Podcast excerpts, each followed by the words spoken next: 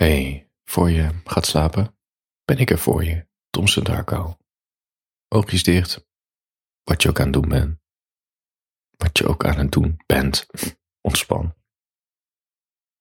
Wel een kleine luisterwaarschuwing, want ik ga het hebben over onder andere zelfmoord, psychose en eenzaamheid. Dus als dit te veel triggert bij je, zet het af.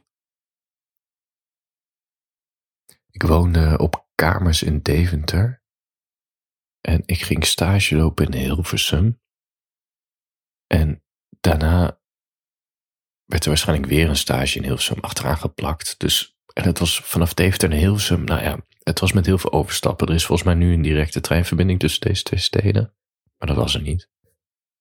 En sowieso was ik een beetje uitgekeken op Deventer. Dus toen een, een vriend zei van, hé, hey, er komt een kamertje in mijn huis vrij, was ik als de kippen bij. Ik ben ergens in de avond naar Utrecht gereisd om die kamer te bezoeken. En het was in uh, de wijk Zuilen bij de Vecht. Je hebt daar een paar gebouwen van vier, vijf hoog. En als je dan daar binnenkomt, dan heb je nog uh, heb je een beetje woonkamer, keuken, andere kamer. Dan een trappetje omhoog en dan heb je nog een verdieping. Dat was de, de indeling. Dus we gingen de trap op. En hij liet me als eerste naar binnen gaan in die kamer. En toen wees hij naar het balkon die je achter de deur zag en zei hij, daar is hij vanaf gesprongen. Met zijn, nou ja, kenmerkende onzekere lachje erachteraan. Maar waar ik naar keek toen hij dat zei was, weet je, ik keek naar die muren, die konden nog wel een likje verf gebruiken. En het tapijt, dat, nou ja, dat mocht wel vervangen worden. Voor verf was wel geld trouwens, voor tapijt niet. Mijn hand opende de deur naar het balkon toe en weet je, die deur piepte en dan denk je gelijk, nou ja, misschien wat een flesje smeerolie of zo halen. En dan hopen dat er een gebruiksaanwijzing op staat, want ik heb het nog nooit gedaan. Weet je dat? Het balkon had de breedte van een stoel, nou, misschien anderhalve stoel, en, liep in de lengte zo door naar een andere deur van een andere kamer. En mijn handen pakten de vochtige reding vast en ik keek zo naar beneden. Het, het had niet de beste hoogte om je leven te beëindigen. Bovendien bevond er zich een oerwoud aan struiken om je val op te vangen. En ik draai me om en ik zie mijn, uh, mijn vriend en toekomstig huisgenoot nog in die kamer staan met een vrij witte kop. Dus ik zeg zo, hé, hey, gaat-ie? Maar hij knikt, opent vervolgens de inbouwkast en uh, wijst ernaar, weet je hoe handig dit is, bla bla bla. Een paar maanden eerder was hij, mijn mijn vriend in het huis aanwezig toen de vorige kamergenoot van het balkon afsprong en zijn beide benen brak.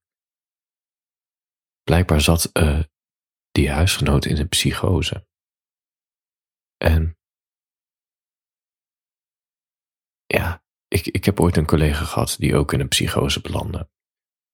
Op vrijdag zeiden we nog tegen elkaar, yo, fijn weekend. En op maandag hoorden we als collega's dat hij vermist was geraakt. En bleek hij een paar dagen later op te duiken in Madrid. Madrid. En hij kon zich niets herinneren hoe hij via Utrecht in Madrid was gekomen. Maar goed, dit, dit was, deze baan was een paar jaar na wat er gebeurd was in die flat. Maar ja, toch, je zou maar je bewustzijn terugkrijgen in een veel te vreemde stad. Ja, of je zou je bewustzijn terugkrijgen in het ziekenhuis met je beide benen gebroken. Maar goed, het gekke was, dit, dit dacht ik allemaal niet in die kamer. Ik dacht aan of ik de huur kon ophoesten aan de fietsafstand naar het station of mijn bed hier paste. En gedachte dat iemand in deze kamer gek was geworden en van het balkon was afgesprongen, dat blokkeerde ik volledig. Net zoals ik nauwelijks bezig was met het verdriet van mijn vriend, die als oorgetuige, nou ja, bij het voorval betrokken was. En dat jaar dat we samenwoonden met een paar andere huisgenoten, begon hij er wel eens over. Ja, het was een beetje ja, sporadisch, is dat het woord? Tussen neus en lippen een beetje. Weet je, dat hij eens een update gekregen over die ex-huisgenoot. Nou ja. Of dan zei hij opeens dat het zes maanden geleden was. Maar ja, het gaf natuurlijk allemaal wel aan dat hij er nog mee bezig was in mijn hoofd. Maar ik kan me niet herinneren dat ik erop inging om er met hem over te praten. Die collega, een paar jaar later, die dus ook in een psychose belandde, en daarna weer uh, terugkeerde op de werkvloer uiteindelijk, die viel regelmatig in slaap op kantoor. Gewoon, ja, het is ook best wel grappig eigenlijk, maar gewoon met zijn kin rustend op zijn bord, borstkast voor zijn computerscherm te maffen. En we vonden het ook allemaal grappig, weet je, gingen we ook aanstoten, een beetje wijzen. En dan, als hij dan, nou ja, wakker werd van al het gelach, dan keek hij zo ons aan met zijn duffe hoofd. Wij proesten het uit en hij, nou ja, hij draaide zich wel om en ging naar zijn scherm kijken. Ik denk ook een soort vorm van schaamte of zo. Het kwartje viel dus later pas bij mij dat hij zware medicijnen stikte als gevolg van die psychose en nou ja, waar hij ook allemaal last van had. Dat maakte hem zo slaperig. Mentaal lijden is eenzaam. Mentaal lijden is echt eenzaam. Mensen zijn te druk met hun eigen beslommeringen om de hints op te vangen dat het stormt in je hoofd. En ik was te druk met mezelf om te zien dat het stormde bij anderen in hun hoofd. En weet je, bij mij stormde het ook wel eens in mijn leven. Het stormt nog steeds wel eens in mijn hoofd. En ik heb mijn eigen hart wel eens uitgestort aan iemand op kantoor die mijn stille onbedoelde hints wel begreep. Weet je, van die hints die ik zelf niet eens in de gaten had. Maar ja, soms schreeuwt de ziel gewoon om gehoord te worden. En ze toonden ook echt als een van de weinigen in die periode warmte en empathie nadat ik zelf alles verloren ben. Ik heb al eens in een spraakbericht eerder over gepraat. Uh, volgens mij neem de lange weg naar huis als je het wil horen. Een paar maanden nadat zij empathie en warmte had getoond en ik mijn hart had uitgestort, vroeg ze: Hoe gaat het nu met je? En ik zei opgewekt goed, want het ging beter met me. En toen zei ze, toen nog steeds pijn in mijn buik. Je was best wel van het padje af, hè? En die zin, nou, ik voelde het in mijn lijf, maar nu nog steeds. Het, het is alsof alle warmte uit het huis wordt geblazen omdat je even een raam openzet, snap je? Je was best wel van het padje af, hè? Omdat in die zin er een oordeel in zat verscholen. Want toen ik mijn huid, sorry, mijn hart uitstortte, was ik niet op zoek naar een oordeel, maar naar compassie. En ik had ook helemaal niet het idee dat ik van het padje af was. Het was gewoon echt een klote periode. Het was gewoon heftig. Gewoon wat me was overkomen en hoe je daarmee moet dealen. En nou ja. En ze had me comfort, comfort gegeven in dat gesprek. Maar blijkbaar maanden later was de herinnering voor haar geworden dat ik van het padje af was. Ik wilde niet zwak zijn. Ik was gewoon kwetsbaar.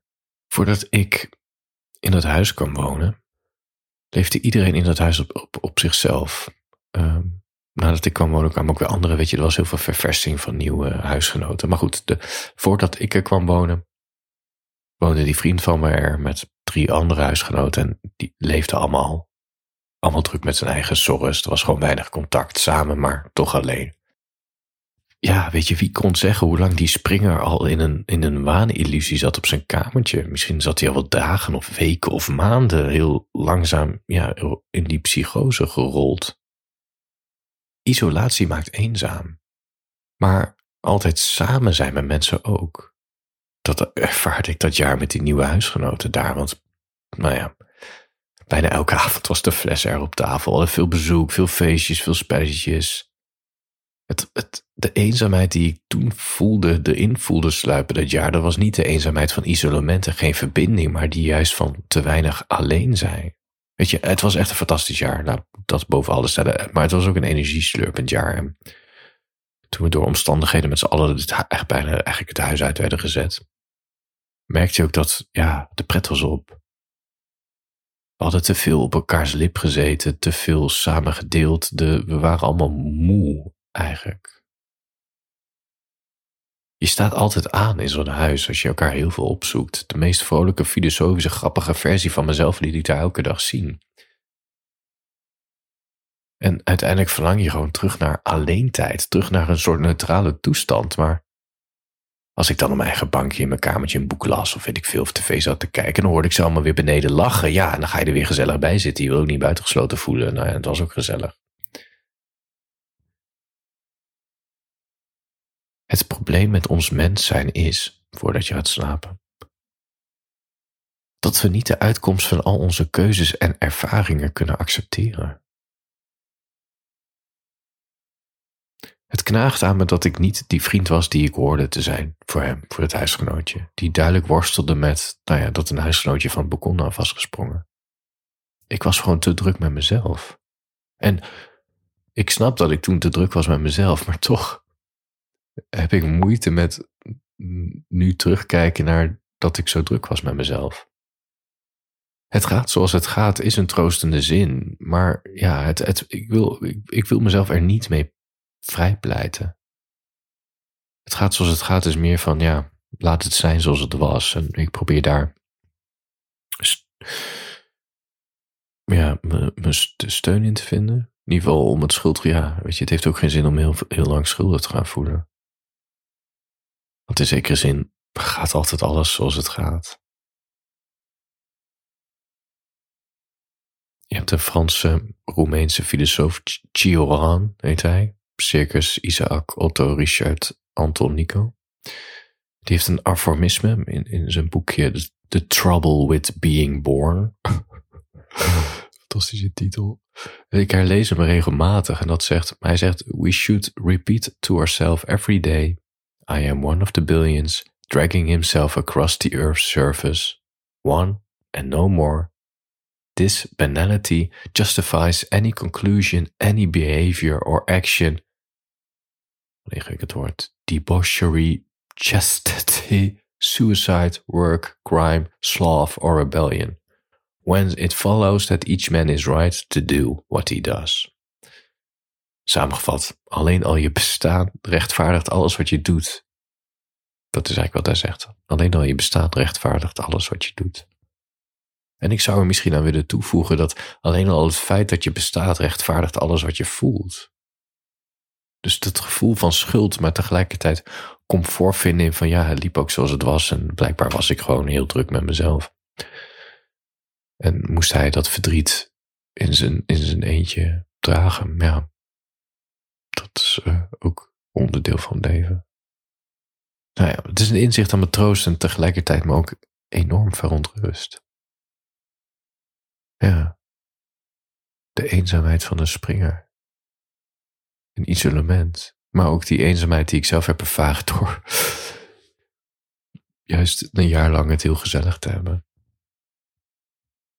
Daar ga ik uh, voor de Petje Af abonnees verder over praten, over die eenzaamheid. Als je dat wil luisteren, petjeaf.com, abonneer je. Elke dag een mailtje, exclusieve spraakberichten. Oh, fantastisch. En je steunt mij, mijn kunst, mijn woorden. Als je het kan missen, als je meer Thompson Darko wil, petjeaf.com slash Thompson Darko. Voor je gaat slapen.